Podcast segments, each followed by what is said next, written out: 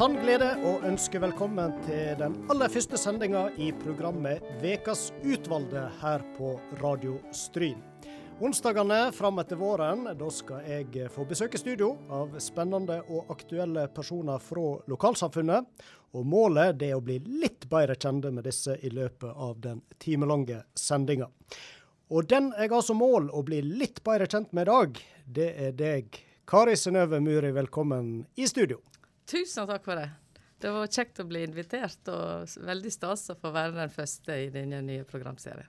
Så flott. Jeg tror vi skal få en uh, fin time her på radioen. Og det er jo i kraft av rolla di som uh, kirkeverdige at uh, du er aktuell, får vi si. For akkurat lagt bak ei uke med besøk av sjølveste biskopen. Hvordan var det?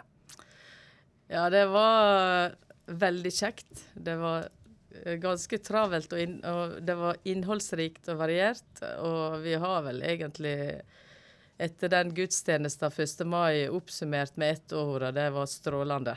For vi fikk en strålende dag til slutt, og det, det setter liksom prikken over i-en. Og eh, det var eh, veldig kjekt å ha bispevisitas eh, for første gang siden 2006, tror jeg det var. Og da, da var det jo for hvert prestegjeld. Denne gangen var visitasen for hele kommunen. Åtte sokn skulle ha visitas, og det var det bar programmet preg av. Det var, det var innholdsrikt og mange involvert. Eh, men jeg tror alle opplevde å være en del av visitasen. Ja. ja. Ha, har du møtt han før? Han Halvor Nordhaug? Jeg har møtt han Halvor Nordhaug. Eh, før. Eh, for eh, ja, fra 2011 til 2015 så var jeg eh, rep fast representant i Bjørgvin bispedømmeråd. Og der sitter jo biskopen òg. Sånn at da fikk vi jo høve til å bli ganske godt kjente både gjennom bispedømmerådsmøter og kirkemøter, som varte ei lita uke. Og så var vi på noen uh, turer òg som uh, bispedømmeråd, og var bl.a. både på Selja og i Røldal og besøkte disse pilegrimsplassene. Da vi både i pilegrimsvandring og, og, og, så på, uh, på de plassene. Så når en er i, i lag i, et, i ei gruppe sånn over ja, vi møtes regelmessig en del ganger, så blir en jo litt bedre kjent. Så det var veldig kjekt å møte henne igjen her nå. Mm. Jeg har også truffet henne i eh, noen sammenhenger der kirkevergene har vært i Bergen og hatt møte med, med ledelsen i bispedømmerådet. Og han har jo vært her før òg, men han har ikke vært på en sånn uh, offisiell visitas. Han uh, har vært her i forbindelse med kirkejubileum uh, først og fremst, veit jeg. Men han har ikke vært her uh, siden jeg begynte som kirkeverge. Mm. Ja. Nå var jeg sjøl i Sagedammen på søndagen, avsluttende friluftsgudstjeneste. Og så hadde han et lite sånn eh, var det uh, visitasforedrag det heter. Ja. ja. Der han oppsummerte litt. Og inntrykket var jo at han uh, var veldig fornøyd etter disse fem dagene her i, i Stryn kommune. Er det ditt inntrykk òg? Du som var litt tettere på? Ja da, det er absolutt mitt inntrykk. Jeg kan jo si litt om hvordan en sånn visitas fungerer. Det er en ganske stor jobb uh, for oss som er tilsatt i kirka, når vi får beskjed om at det blir visitas. Uh, og det har vi jo venta på en stund. Han har et stort bispedømme pluss at han har sjømannskirkene, så han har mye han skal over. Men nå var det vår tur. Og da blir, det, blir vi uh, bedt om å sende inn ei såkalla visitasmelding. Og da skal vi gjøre greie for arbeidet nå, og så skal vi oppsummere det som har skjedd egentlig i, siden forrige visitas. Og det var noen år? det var noen år, og der har rent mye vann ute i fjorden siden det. Og vi har eh, jobba ganske mye med å, å gjøre den eh, utfyllende, sånn at han òg kan forberede seg litt, eh, med litt dypdykk før han kommer. Eh, det er hensikten. Og så skal han da forholde seg til det som står i meldinga når han har de forskjellige arrangementene, møte med ulike grupper og instanser eh, under visitasen.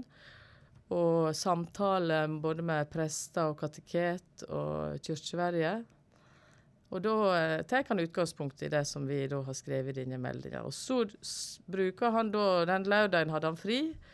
Og da, den brukte han og han, eh, han eh, rådgiveren, Tore Skjæveland, som var i lag med henne på det meste av visitasen, som sekretær. da, og han, de to skriver da eh, ei såkalt visitasmelding, som, eh, de, som han da leser opp siste dagen, der han oppsummerer. Eh, og da får en liksom dommen. ja, det er jo klart at det er jo litt sånn eh, dette, dette, Nå kommer sensor og, og, og forteller vi, om vi har bestått. Ja. Ja. Nei, det er ikke sånn. Han er veldig konstruktiv og gir oss eh, tilbakemelding på ting som vi har snakka om vi gjerne skulle ha gjort eh, mer av, eller som vi finner utfordrende, ting vi har på, på blokka og planer. og så og så anerkjenner han også det som, eh, som, vi gjør som er bra. Og det var jo, det var jo veldig kjekt å høre at det, eh, han hadde sett oss. Mm. Og, eh, og, at han, han, ga både god tilbakemelding og konstruktiv rettledning for veien videre. Mm. Så det, det opplevdes fint å ta imot. Han hadde nå lagt merke til at dere bl.a. var aktive og flinke ut mot ungdom på, i sosiale medier, og drog fram dette med TikTok, så ikke han var veldig dus med sjøl, men han syntes det var artig at dere var ja. framme i skoa der. Da må jeg jo bare framsnakke kateketen vår. Hun, eh, Beate Nes hun er, hun er veldig god på mange ting. Bl.a. det å bruke sosiale medier og ha en veldig bevisst uh, strategi for å være på de plattformene der ungdom er. Det, skal jeg nå ungdom, så er visst ikke Facebook det store lenger. Men, uh, men i alle fall så, um, så, prøver vi å være bevisst på å bruke de kanalene som nå er tilgjengelige, og som særlig ungdom bruker. Mm. Ja. Som sagt, du er kirkeverje, og eh, jeg må bare spørre, hva, hva ligger i å, eh, å være kirkeverje? Kanskje du kan si litt om den uh, oppgaven? Ja, det kan jeg gjerne si litt om. Altså, Kirkeverje er tilsatt av Stryn kirkelige fellesråd, som egentlig er alle åtte soknerådene i Stryn, som daglig leder for fellesrådet. Og fellesrådet sitt ansvar, det er å forvalte kirkebygga og gravplassene. Og så er det å være arbeidsgiver for de ansatte i kirka, bortsett fra prestene. De har biskopen som eh, sin overordna. Og for å komme litt tilbake til visitasen, så er det jo først og fremst prestene og andre vigsla arbeidere, som da hos oss er hun Beate kateket, Eh, det er de som er på en måte hovedpersonene, eller det er de han først og fremst kommer for å ha tilsyn med. Og så i tillegg til hele arbeidet da, i, i kirka i Stryn. Eh, men eh, i fellesrådet er da eh, Det er vel 21 ansatte fordelt på 9,7 årsverk. Så det er en god gjeng som er, er, har fulltidsarbeid eller deltidsarbeid i kirka. Så um, det er en, um, en uh, innholdsrike og veldig kjekk jobb. Og uh, i tillegg til det så har jeg jo på vegne av fellesrådet um, et ansvar for å holde kontakt med kommunen og andre offentlige instanser som ja, altså det kan være Riksantikvaren, eller det kan være fylkesmann eller fylkeskommunen. Det kan være Ja. Det heter statsforvalter nå, forresten. ja, det, ja, det endrer seg stadig. Ja. Eh, men i alle fall særlig overfor kommunen, da. For det er jo kommunen som, eh, som yter det meste av økonomien til kirka. Selv om kirka er selvstendig, så, så har den koblinga for å, å, finansiere arbeidet, eh, og særlig dette her med bygg og, og gravplasser det har blitt videreført som kommunen sitt ansvar, der det går inn i rammeoverføringene til kommunen. Mm. Og så er jo også soknerådene med å finansiere trusopplæringa. Faktisk eh, 240 000 godt og vel hvert år samler soknerådene inn for at vi skal ha ei så, så god og, og godt bemanna trusopplæring. Og det eh, det arbeidet de gjør, er verdifullt. Og det òg er det mange som ser. Og det er mange som eh, lukker stryn når det gjelder trusopplæringsarbeid. Og det, det, er jeg veldig stolt over, da. det kan jeg si, siden jeg ikke har, har, det daglige arbeidet. Så er det eh, veldig kjekt å være leder for, en, eh, for et så flott arbeid og en så flott gjeng. Og, og det, det, har jo ikke starta nå. Det, det, er jo et uh, et arbeid som har vært bygd opp gradvis. Fra Anja Jov Edvardsen begynte som kateket, og så han, eh, han Kjetil Netland var veldig, veldig opptatt av dette med, med barne- og ungdomsarbeid, trusopplæring. Og så har det vært veldig mange. Det er dumt å begynne å nevne navn, men de har vært her tidligere. Det var som representanter for dem. Mm. Og så um, og så har det nå eh, blitt bygd opp det arbeidet som vi kaller Sammen om skatten jeg sier at det burde vi egentlig brukt om alt arbeid i kirka. Ja. For vi er sammen om skatten. Mm.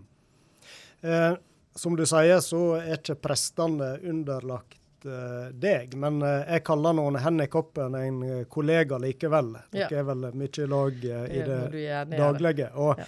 jeg utfordra hun på å si noen ord om deg, siden jeg skulle ha deg som gjest der. Så jeg tenkte jeg kunne ta med litt av det hun nevner. Og da sier hun Henny Koppen som da er sokneprest, at uh, hun Kari hun er et uh, friluftsmenneske. Glad i å få oss med utendørs til fine opplevelser. Ofte kake og andre godsaker til alle på kontoret. Oppmerksom på alle, husker Jebusdager. Alltid blid og positiv. Ser løsninger, samarbeider i alle retninger. God sanger, glad i kaffe. Jeg må framheve den respekten hun viser for alle meninger og utspill god og trygg en leder til å stole på. Det var gode skussmål. Oi. Jeg sier tusen takk og vet ikke helt hva jeg skal si. Det var veldig eh, raust sagt. og Da har jeg bare lyst til å si at uh, ja, OK å være leder, det er, jo, det er jo den som har det daglige overblikket, men, uh, men vi er først og fremst et team. Og dette jeg tror jeg vi kunne ha sagt om alle, Det meste kunne vi ha sagt om alle på kontoret. Ja. Iallfall så er vi det, Vi har det kjekt i lag, og vi har det Vi har uh, en dynamisk gjeng. Og, og Henny har jo blitt prest i godt voksen alder, men hun framstår som en erfaren prest. Og, og, er også en, en leder i det hun står i. Ja. Mm. Glad i kaffe, sier hun. Og det var nesten det første du måtte forsikre deg om når du kommer, at vi, kaffe, det hadde vi å by. Ja, kaffe er viktig i livet mitt. Ja. Det er det som starter eh, dagen. Ja, det er, jeg er glad i kaffe. Og så er det jo dette her sosiale som ofte ofte føler med å ta en kaffekopp. Og eh, når, når jeg kommer på kontoret om morgenen, så, så, er det gjerne en liten prat og noen minutter med kaffekoppen. Ja. Mm. Og så er det god å bake, står det. Er du er du glad i å ja, det hører vel med til denne kosen og dette sosiale. da, at eh, Jeg vil ikke si at jeg er spesielt god, da, men uh, jeg, jeg, liker å, å, å, kunne ta med kake av og til. Men jeg er ikke noe konditor og ikke noe gourmetkokk. Men sant, til hverdags så når det noe Som sagt, det, det, viktigste er at det smaker godt, og at det er noe som en kan Eh, kan ha og, eh, og, kose seg med til kaffekoppen. Ja. Ja. God nok til å begeistre deg på kontoret, tydeligvis? Ja, tydeligvis, og det setter jeg pris på. Det, det er jo egentlig eh, Dette når en trenger litt ekstra, så, så, er det jo lett å ty til eh, eh til sånne ting, men vi har også Vi tar oss også en tur i lag av og til. og jeg, må, kan, jeg, kan, få lov å skryte av at hun Henny og jeg var på Lodalskåpa for et par år siden. Oi! Ja, det, det er løftet. Ja. For nesten Det var hun som pusha på, så vi fikk med oss uh, noen fra Sunnmøre. Ann-Kristin Langeland, som nå er prest i Hellesylt, hun var med. Og så hadde vi noen turledere fra det området. Yes, det var en kjempeopplevelse. Og det, ja da, jeg syns det var, det var en seier. Jeg har vært der en gang før, men det er lenge siden. Så det var veldig kjekt å få den opplevelsen i lag. Og, og ellers så vi jo, prøver vi å finne på ting i friluft av og til. Og, og det som um, som kom opp som uh, idé i fjor, da vi egentlig skulle hatt visitas, med å ha gudstjenester uten med Sagedammen. Det er jo litt i samme ånda. At vi uh, vi syns det er flott å bruke den store katedralen. Uh, vi, da, da, sier vi eh, som jobber i kirka, men det er jo først og fremst prestene som bestemmer hvor gudstjenesten skal feires den, og, og sokneråda.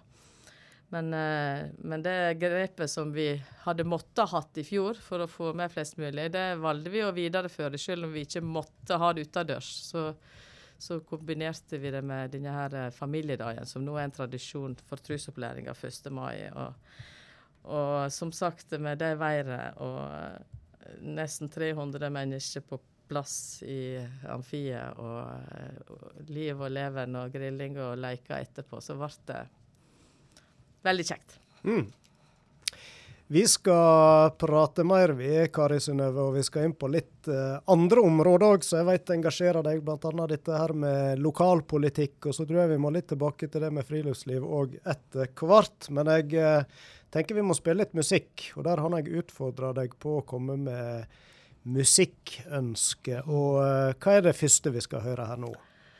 Det første vi skal høre, det er en sang av Bjørn Eidsvåg. Eh, han ble jo eh, Da jeg var veldig unge, så var Bjørn Eidsvåg eh, virkelig noe nytt innen sang og musikk, og særlig det med kristen sang og musikk. Og, og han hadde kjempegod musikk og sterke tekster, som betydde masse for meg i min ungdomstid, og som gjør det fortsatt. Og jeg hører gjerne mest på disse som kom tidlig. og og det vi skal høre nå, det er en sang som ikke er så veldig kjent, men som jeg syns er en av de flotteste han har. Og det er en som, eh, som er på plata 'Landet lenger bak', som heter enkelt 'Halleluja'.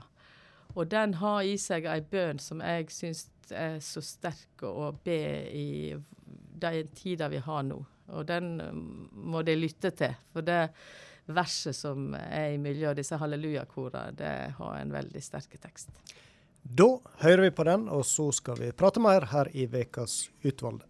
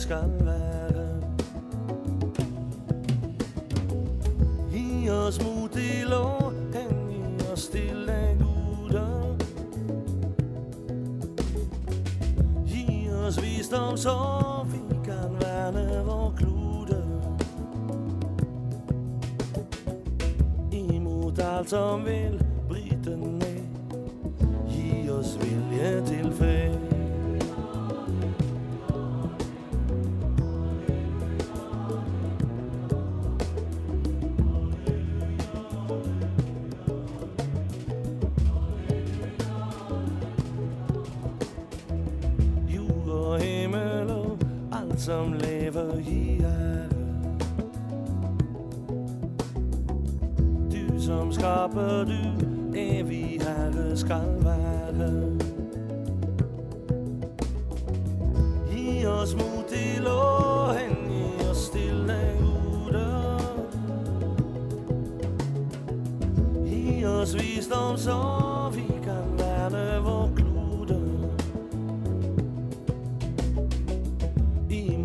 Alt som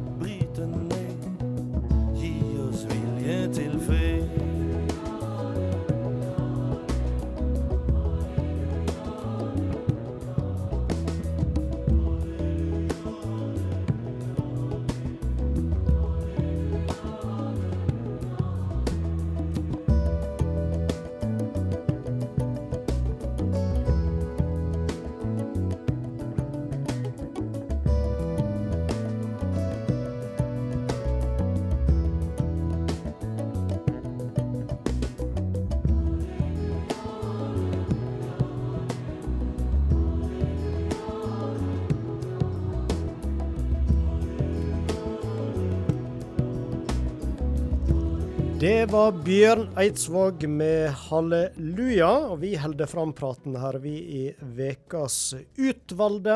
Og i denne første sendinga har jeg med meg om Kari Synnøve Muri, og vi har snakka litt om bispevisitas og jobben din som kirkeverje. Men eh, jeg tenkte før vi slipper det helt, eh, så er det vel kanskje ikke innen det feltet utdanninga det ligger?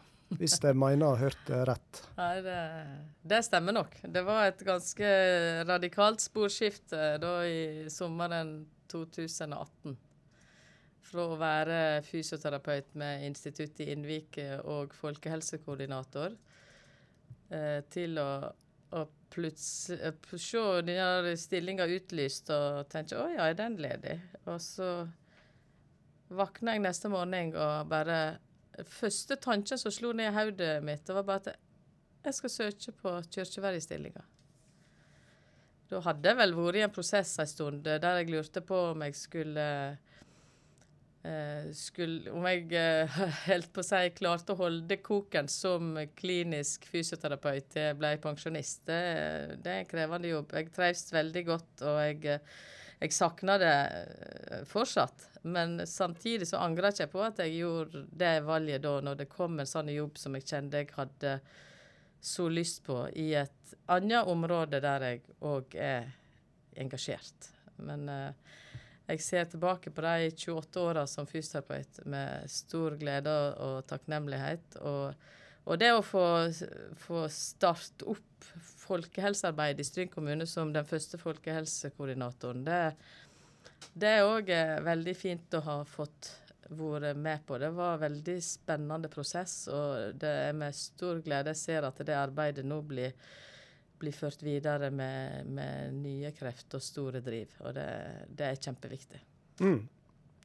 Vi skal litt inn på lokalpolitikken, og vi som følger litt med på den, så merker vi jo det at når folkehelse er tema, da er du ofte framme og har en eh, kommentar. Så det er jo tydelig at det, det, interessen er der absolutt enda. Og det er lettere det nå når jeg slipper å tenke på at det er rolleblanding mellom jobb og, og, og politisk verv. Eh, nå har jeg på en måte litt samme dilemma i forhold til kirka. Eh, når det gjelder økonomiske bevilgninger, så må jeg da eh, være sikker på hva, slags hatt jeg har på. Og det prøver jeg å være ryddig og, og søke rettledning hos leiende på. Så så det går jo bra, men det er litt av og til litt sånn hatteleik. Men når det gjelder folkehelse, så er det noe som, som jeg er genuint eh, engasjert og opptatt av. Og, eh, og jeg, jeg, har, har nok eh, litt det blikket i den jobben jeg har nå òg.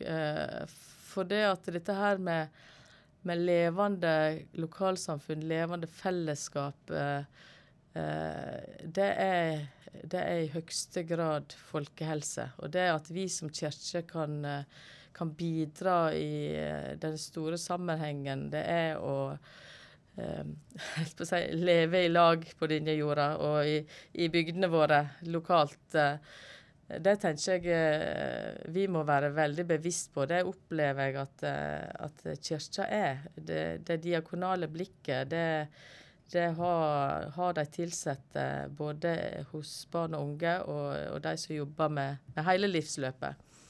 Eh, sånn at eh, vi, vi, er jo en aktør i det, det, arbeidet. Men når det gjelder politikk, da, for å ta det, så, så opplever jeg at eh, Eller jeg har vel som en sånn der, eh, grunnmotivasjon eller en sånn grunnleggende verdi at eh, at eh, bygdene våre, kommunene våre, samfunnet vårt skal ha som mål å gi gode levekår for alle.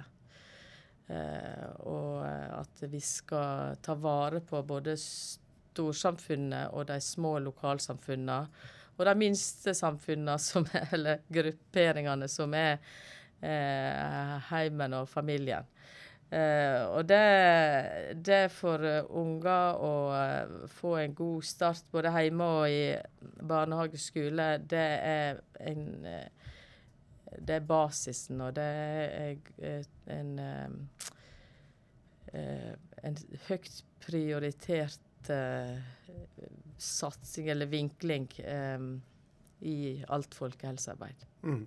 Nå er det jo eh, eh KrF, Kristelig Folkeparti, du mm. representerer. og eh, Hvordan starta det? Hvordan starta engasjementet ditt eh, i politikken? Ja, Det starta med at uh, hun ja, Engasjementet mitt i politikken det har jeg nå på en måte alltid hatt. da, Men når det gjelder partipolitikken, så starta det veldig eh, eh, konkret med at eh, hun Johanna Nyer ringte meg og sa at uh, de sleit sann med å få til ei liste. Og hun visste akkurat hvilke knapper hun skulle trykke på. og hun er god Dreven. Ja, hun har vært veldig god å utfordre folk, og, siden har vært en veldig god støtte og et forbilde på mange måter. Men eh, det var det at de det var noen som kunne tenke seg å fortsette, men vi må ha ei hel liste. Og håper du kan stå på den. Og så sa jeg nei, vet du hva, jeg, eh, jeg er så engasjert, og, og, jeg er ikke medlem i KrF, og jeg vet ikke om jeg skal engasjere meg noe politisk, og ja. Så um, fikk ikke jeg fred for det, da. og Hun prøvde igjen. mm. hvor, hvor, lenge siden dette? Dette var i, til valget i 2011. Ja. Eh, og vi hadde flere gode prater, og jeg så eh, hinna gode argument med at eh,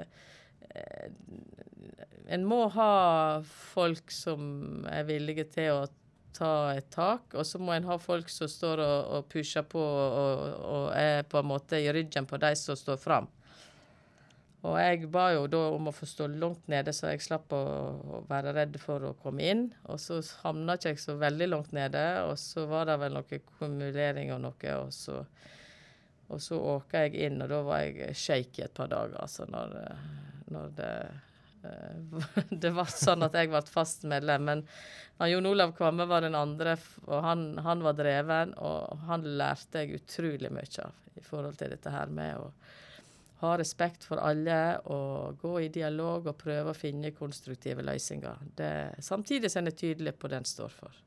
Så en, De fire åra var en veldig god skole, og så kom han, han Clemet eh, den perioden etterpå og var akkurat like god støtte. Og nå sitter de jo da alene etter at vi gjorde et dårligere valg sist. Og jeg er glad jeg har den, eh, den ballasten fra disse to første disse to første periodene. Så det, det ligger jo da i kortet at uh, fra å være helt uh, shaky noen dager og bare ha lyst til å, å spole tilbake, så, så, har jeg blitt fanga inn i det og ser hvor viktig det er at, at noen tar ansvar. Og, og det er jo en eh, Det er krevende å skulle sette seg inn i mange saker, men eh, det gir meg Det er veldig meningsfylt. Baksida er jo at det tar mye tid, da. Mm. Eh, og at jeg gjerne skulle hatt ei gruppe der, vi, der, jeg ikke var aleine. Men, eh, men eh, jeg opplever å, å, å få være med og, og, ta viktige avgjørelser og være med i diskusjonene i formannskapet. Og, og, det er jo veldig mye vi er enige om. Vi klarer å snakke oss fram til enighet om. og han, Per Kjøllesdal er veldig flink til det å prøve å finne samlende løsninger. Og um, jeg eh, og, og, det gjelder de andre partiene òg i de fleste sakene. Sånn at um, ja, det er meningsfullt, og uh, jeg opplever det som viktig å prioritere det, denne perioden av livet. Mm. Men, men, har du alltid vært en person som uh, ytrer meninger gjennom skoleutdanning og jobb ellers, og liksom har stått litt på barrikadene og sagt ifra? Og, Nei, egentlig ikke. Jeg, jeg, har vært sånn. Så synsa i mer sånn interne sammenhenger. Og, sånn som alle i andre sånn, uh, Ja. Rundt middagsbordet og mm. i, i, lag med venner på Ja. Uh, men jeg så jeg har nok vært ganske litt sånn litt forsiktige. Eh, og har likt bedre og små, mindre grupper, og gjerne samtale med en eller to som kan gå litt dypere. Jeg føler meg eh, eh, Det gir meg ofte mer enn det å skulle stå på barrikadene, men samtidig så eh, så kan jeg i denne rolla være tydelig, tror jeg, og våge å si ifra. Men eh, det koster jo av og til litt, da. Og ja. Jeg, eh, men en blir vel tryggere med åra. Mm. Det er vel noe med det. Og så vokser en på utfordringer. Jeg tror det har litt med det å gjøre. Eh, men i, på, i skoletida så var ikke jeg en sånn som uh, måtte stå fram, eller gjerne gjorde det. Jeg, ja. Sånn som jeg husker det sjøl, da. Så det kan godt hende andre har et annet bilde. men, men uh, hvordan uh, tenker du politikeren Kari Synnøve er i dag, elleve år etter at du debuterte da i kommunestyret? Nå er du inne i din tredje periode. Mm. Hva er forskjellen, tenker du, hvis ja, du skal har, analysere litt? Ja, det har jeg egentlig Ja, skal vi se. Jeg, jeg tror at eh, det, det, som jeg nettopp har sagt med at en blir tryggere med å få utfordringer, og, og se at de andre òg er bare alminnelige hverdagsmennesker. Eh, og så opplever jeg at sånn mellommenneskelig så støtter en hverandre og oppmuntrer hverandre, selv om en ikke er i samme parti. Og eh, jeg, jeg Eh, jeg tror jeg for, For det første så jeg tror jeg at jeg er flinkere å, å lytte til andre. Og så uh, har jeg nok fått et bedre overblikk og mer innsikt i flere saksområder. Uh, helsepolitikk var, lå jo lett for meg i og med at jeg var i helsevesenet da jeg begynte. Og nå har jeg jo fått være vært så heldig at jeg får være leder for skole- og kulturutvalget, og, og har sett meg eh, mer inn i, i det området òg. Eh, selv om jeg alltid har opplevd å ha et ganske ei, ei tilknytning og interesse for, for skole- og kulturpolitikk, så, så handler det vel om at jeg ser flere sammenhenger, og at jeg ser eh, jeg, jeg får mer kunnskap. og sånn sett kanskje det, har kanskje litt med Det er kanskje litt av årsaken òg, hvis jeg skal reflektere litt høyt på sparket her. Til at eh, vi som politikere ofte blir litt sånn runde. For det er ikke, vi vet at hvis vi sier ja til noe, så sier vi nei til noe annet. Og så må vi sikre at vi ser sammenhengen og tar i vare det store bildet. Så derfor så er sånne her eh, eh, ja, veldig hastig fremma eh, forslag til vedtak er ofte litt skumle, fordi at en, eh, en ser ikke hele bildet hvis en plutselig låser fast enten eh, regler eller, eller økonomi. Mm. Eh, sånn at en, eh, en heller bør ta det i de planprosesser budsjettprosesser og prøve å få mest mulig inn der. Og Da gjelder det å være våkne da, og se, prøve å se litt fram i glasskula. og Det syns jeg fortsatt er utfordrende. Mm. Ja. Er det en hverdag fylt av dilemma, det å være politiker? Ja, på en måte så er det det. Eh, men eh, vi har jo gode saksbehandlere og folk som jobber med sakene og, og hjelper oss å få oversikten og og komme med forslag til vedtak og, og, ja, og vise oss på en måte alternativer. Men, men av og til så står en i et reelt dilemma, og, og eh, jeg opplever vel at det ikke er det som er hoved, eh, ho, eh, hovedpreget på politikerhverdagen. Men eh,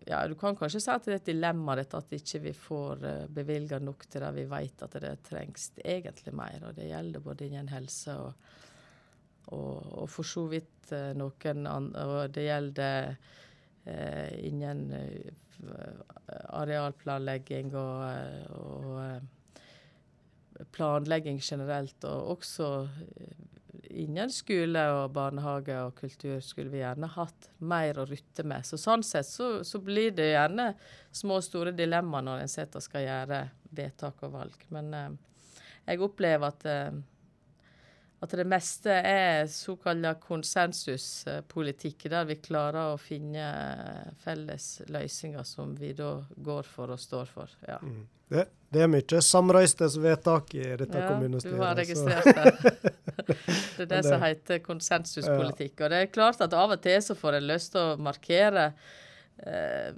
seg som et parti som egentlig mener noe annet. Men hvis en hele tida skal gjøre det, og en vet at en får kanskje én eller to stemmer, så, så gjør ikke en det hele tida. Da vet en at det er å gi og ta. Men eh, de, de saksområdene der det virkelig betyr noe for KrF, der eh, der uh, tar jeg dissens, som det heter. Eller nei, det heter ikke det, for det er når en deler gruppa. Nei, der står jeg opp for det vi, det vi faktisk står for. Og da står jeg av og til alene i, i uh, utvidinger, skjenkebevilgninger eller uh, tilsvarende. Det er jo særlig ruspolitikken vi har Vi er sånn grunnleggende annerledes, eller hva skal jeg si Vi har relativt mer tydelig eh, program enn en, en de andre partiene. og Derfor så, eh, så blir det gjerne eh, til at det, der det ikke er mange som føler oss. Men der er av og til enkelte utbrytere fra de andre partiene, og det setter jeg pris på. Men, men, sånn er det. Det samme gjelder for så vidt f.eks. dette her med å ta imot eh, eh, flyktninger og asylsøkere. Der òg har vi eh, ofte strekt oss. Men der er, vi, der er ikke vi det eneste partiet, og der er det gjerne òg eh, litt forskjellige syn. Og ja, det, da har jeg Da har jeg nevnt eh, to områder. Og, eh, og det som kan styrke familiene òg, prøver vi å, å bygge opp eh, under den de verdiene som KrF uh, står for, der, uh, der, tid og tilrettelegging for småbarnsfamiliene er veldig viktig. Og, ja. Mm. Samleis uh, det å ha levende lokalsamfunn i alle bygdene våre. Det har vi på programmet vårt, at vi skal beholde en desentralisert struktur. og og det håper jeg vi kan få fortsette med. Altså struktur, da jeg i skole- og barnehagesektoren. Eh, og det håper jeg vi klarer å holde fram med framover. Det har jo òg med bosetting å gjøre, selvfølgelig, men der òg må vi se alt i sammenheng. Mm. Ja. Men hva er det kjekkeste du har vært med på som uh, politiker i løpet av snart tre perioder her?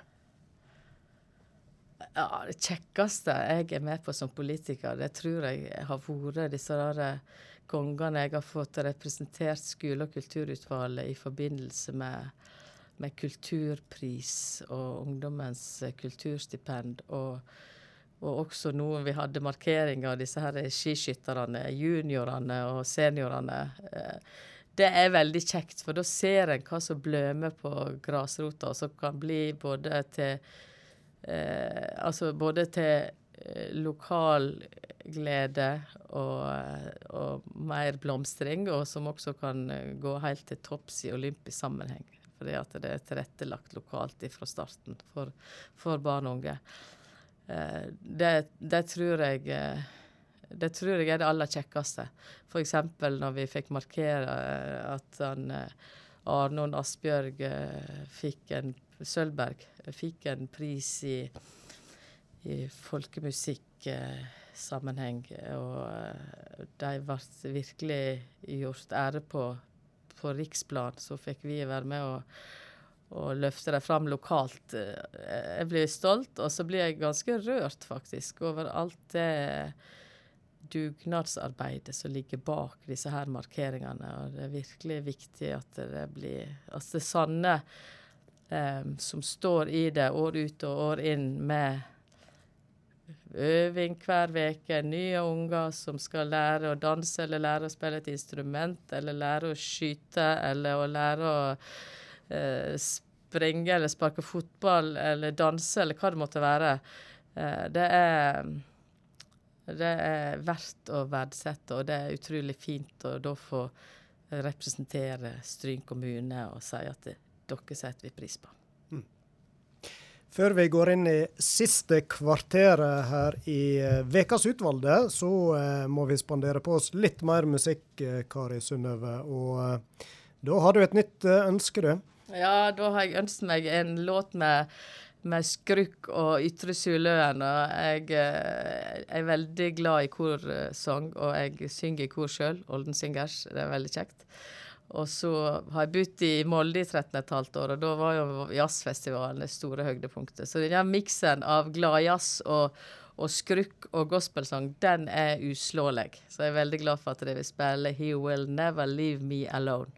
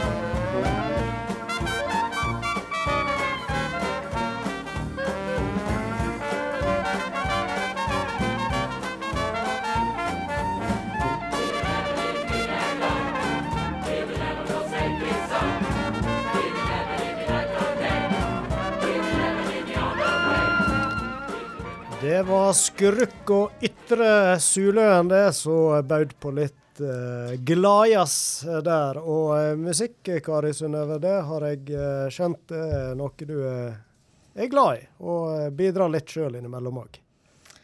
Ja, det er nå først og fremst det med korsang, da, som er mitt, min aktivitet. Mitt, mitt utøvende musikkliv eh, nå. Jeg har vært med i korps i min eh, barndom og spilt althorn. Og jeg har lært litt piano og litt gitar, men ikke noe som, eh, som passer for publikum, for å si det sånn. Men du eh, sa under musikken at du, du kunne ønske deg et Hammond-orgel, Ja. så Når jeg hører det, sånne, sånne soloer som dette der, så, så det, det syns jeg er utrolig De som kan å bruke det, så, så, så svinger det utrolig. Og det eh, Ja. det er mye av den gladjazzen som jeg syns er flott. Og det er jazzen som er Hemmenorgel ofte Da betyr det ofte en stor forskjell, syns jeg. Ja. mm. Nei, og Henny Koppen dro jo fram òg at du var en god sanger, og du sier du synger Olden Singers. Ja. og er det Er sang noe du på en måte har brukt litt tid på alltid, eller er det Jeg, tror, jeg har vært med i kor det aller meste, helt fra Oldenbarn. Kor starta sånn midt på 70-tallet, eller kanskje litt ja, siste halvdel av 70-tallet. Magne Lauflem og Marie Johanne Folven satte i gang eh, barnekor som Da fikk jeg være med helt fra starten av. Og så har jeg sunget i, i Tensinkor og ungdomskor og på, gikk på folkehøyskole og sang i et veldig, veldig bra kor da. og Eh, I Molde var jeg litt innom et kor, og, og etter at jeg flytta hjem igjen, så starta jo eh, Olden Singers opp og, året etterpå, tror jeg. Og da da har jeg vært med siden. Og det, det er en kjekk måte å være i lag med sambygdingene på. Og det å få, å få skape musikk i lag. Og ikke minst det sosiale rundt øvingene. Det å, å, å møtes en gang i veka. Det, det er ikke sånn, vi er ikke sånn veldig ambisiøse, men vi har glede av å synge i lag. Og har heldigvis klart å, å starta opp igjen etter pandemien. Og det, det var egentlig ikke selvfølgelig, men, eh, men vi er fortsatt eh, der og driver nå og øver på 17. mai-sangene. Så det, det er sånn sesongarbeid, eh, en del av det. Det, det, det er kjekt. Ja, så det setter jeg pris på. Er det ei fast løype dere skal gjennom da på 17. mai, eller én opptreden? Vi eller? har av, synger av og til i kirka og alltid ved paviljongen i Olden. Så uh, det, er ikke, det er ikke løype på samme måte som korpset, da. Men uh, ellers så kan jeg, når jeg er her som kirkeverge, så kan jeg òg si at jeg setter veldig pris på, på alt musikkarbeidet som blir gjort i kirka, og, og dette her med både liturgien og og salmer med litt forskjellig instrumentering og, og eh, arrangement. Og, og at en kan dra inn andre musikere enn de som fast er kirkemusikere. Det, det er sånn som jeg gjerne applauderer. Ja. Mm. Det, det har vel skjedd litt der òg opp gjennom åra når det gjelder musikken. Jeg så nå i denne friluftsgudstjenesten, da var det kassetrommer, og Ja, ja. bruker litt nye ting der òg. det er ofte tromme i nedstryen. Han Kyrre som er kirketjener, han, eh, han setter seg ofte bak trommesettet under gudstjenester òg, og det eh, det svinger og gir et lite løft. Eh, at en får mer, flere instrument, og sammenleis at en varierer både med orgel og piano. Det, det Ja, og drar inn andre instrument. Det, det er bra. Mm. Så. Så var det ei anna interesse som var nevnt der, og det var jo dette med friluftslivet. Det er noe du får eh, har tid til oppi alt det andre vi har vært innom? Ja, jeg, eh, det var nå et litt sånn eh, vanskelig spørsmål å svare, svare ja og nei på. Jeg, eh, jeg tar meg jo tid til det, men ikke så mye som jeg gjerne skulle. Det, jeg har vært inn på at, at politikken tar en del, del tid, og så er jo den jobben noe som òg krever mye tid i løpet av ei uke. Så jeg har ikke jeg har ikke så mye fritid som jeg kanskje eh, egentlig bare kunne tenke meg og, og kunne trengt. Men samtidig så er det jo meningsfylt det, det jeg har valgt å bruke tida på. Da, så det er, jo, det er jo mitt valg. Men, Nei, friluftsliv er viktig for meg, både for å, å holde meg i form og det å være ute i naturen. Altså jeg, eh, vi, er, vi er skapt til å være i eh, i skaperverket. Og det er eh, flott å kunne være ute til alle årstider. Og jeg, eh, jeg liker å gå, gå til fjells både med ski på beina og, og med, med fjellsko eller joggesko. Og det er turløypene i Olden og ellers eh, skiløypene i, rundt om i, i kommunen og nærområdet. De, eh, de prøver jeg å bruke så mye som jeg, jeg rekker over. Da. Og det jeg var jo veldig skuffa. Jeg hadde gleda meg veldig til Holmenskarennet. Det er nå en av de flotteste turene jeg vet om, denne nye rundløypa der.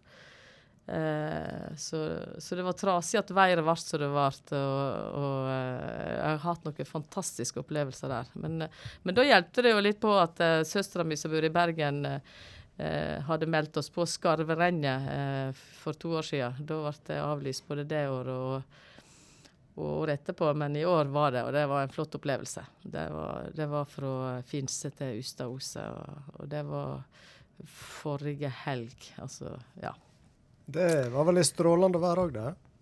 Ja, det var fantastisk. Det var, det var den siste søndagen i Nei, sist Ja.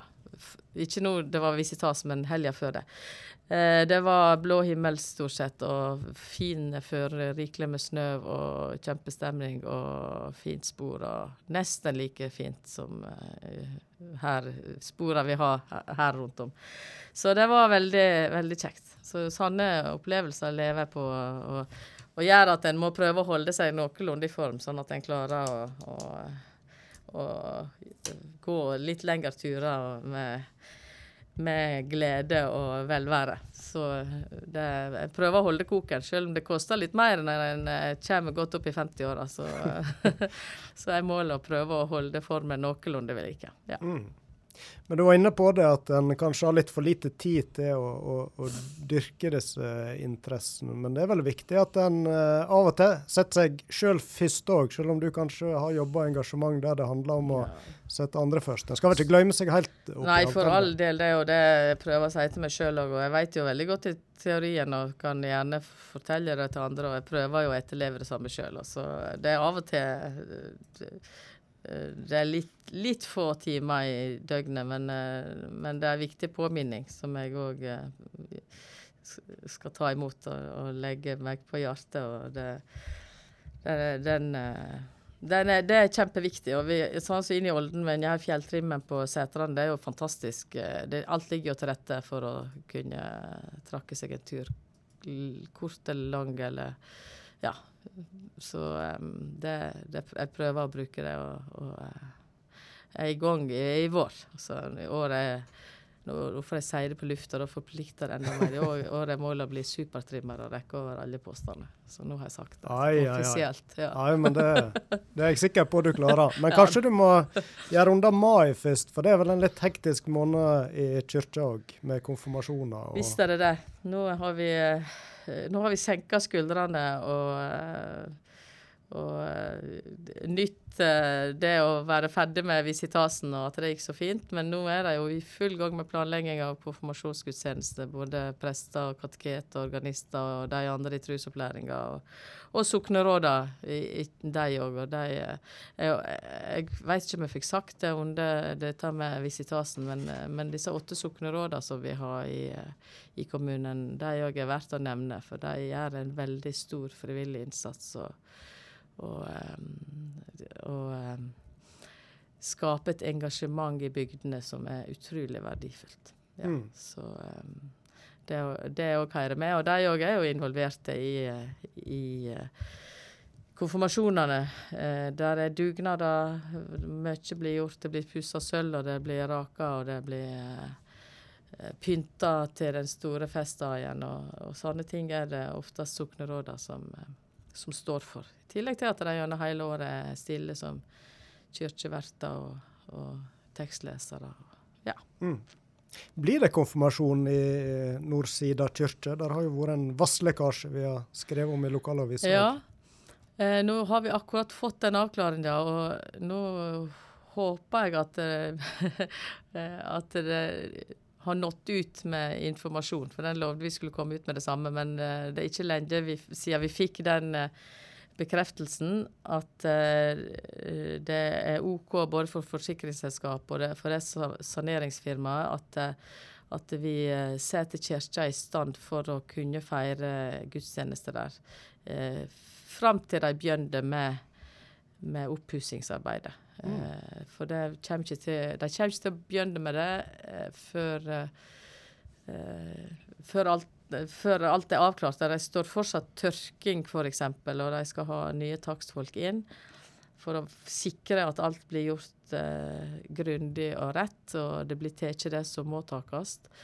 Eh, men eh, jeg har fått avklaringer på at det blir konfirmasjon i Nordsida også i år, i kirka. Og sannsynligvis så kan, eller en kan bruke kirka der ute også 17. mai. Så bra. Ja. Tida den eh, er faktisk i ferd med å renne fra oss, eh, Kari Synnøve. Men eh, helt til slutt så tenkte jeg jeg ville utfordre deg på en ting. Og det er om det er ja, personer, grupper, organisasjoner eller andre du har lyst til å løfte litt sånn ekstra fram, så du kanskje syns fortjener litt ros.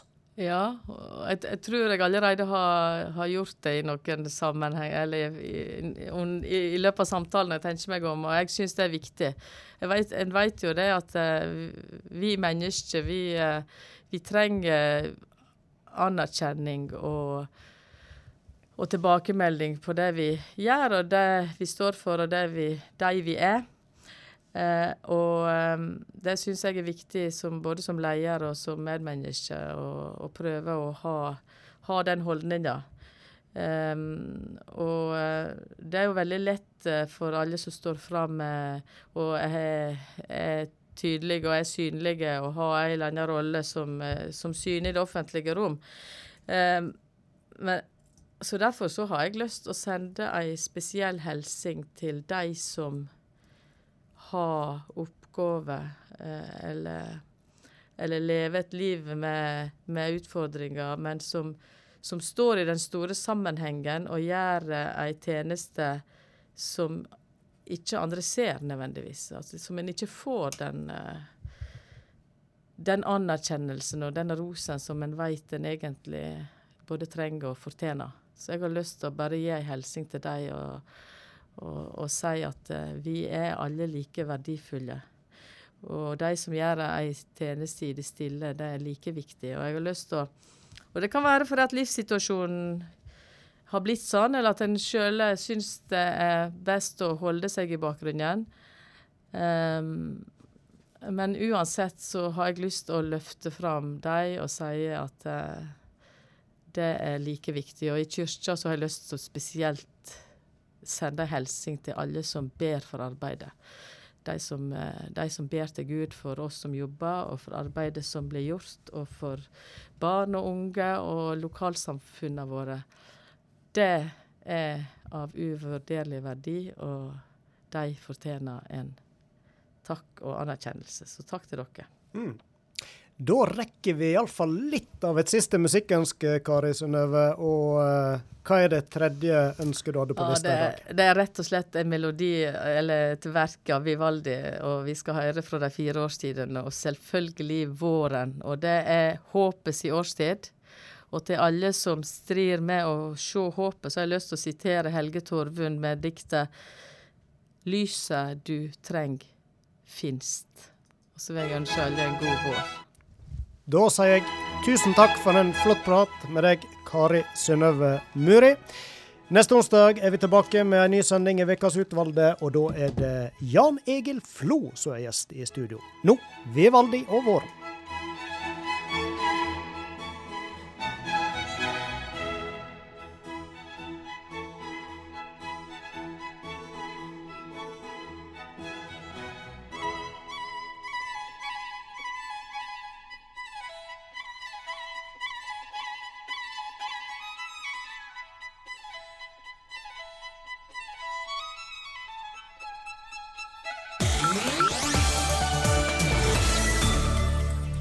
Finland og Sverige kan bli medlemmer av Nato i løpet av svært kort tid. Forsvarsalliansen har startet en prosess som skal gjøre det mulig, og det kan dreie seg om bare et par uker, skriver VG. Statsminister Jonas Gahr Støre har denne uken møter med statsministrene i de to landene. Hviterussland har helt uventet startet en stor militærøvelse. Ifølge hviterussiske myndigheter skal soldatene øve på kampberedskap. Det er planlagt at øvelsen vil omfatte forflytning av et betydelig antall militære kjøretøy, noe som kan føre til kødannelse på offentlige veier, uttaler det hviterussiske forsvarsdepartementet, ifølge NTB. Politiet er ferdig med å etterforske brannen i Svelvik i Drammen i desember i fjor, der det ble funnet en familie på fire i brannruinene. Politiet antar at familiefaren i 40-årene skjøt kona og barna, og deretter tente på huset og tok sitt eget liv. Saken henlegges. To gutter i tenårene er tiltalt for å ha filmet og delt videoopptak av et seksuelt overgrep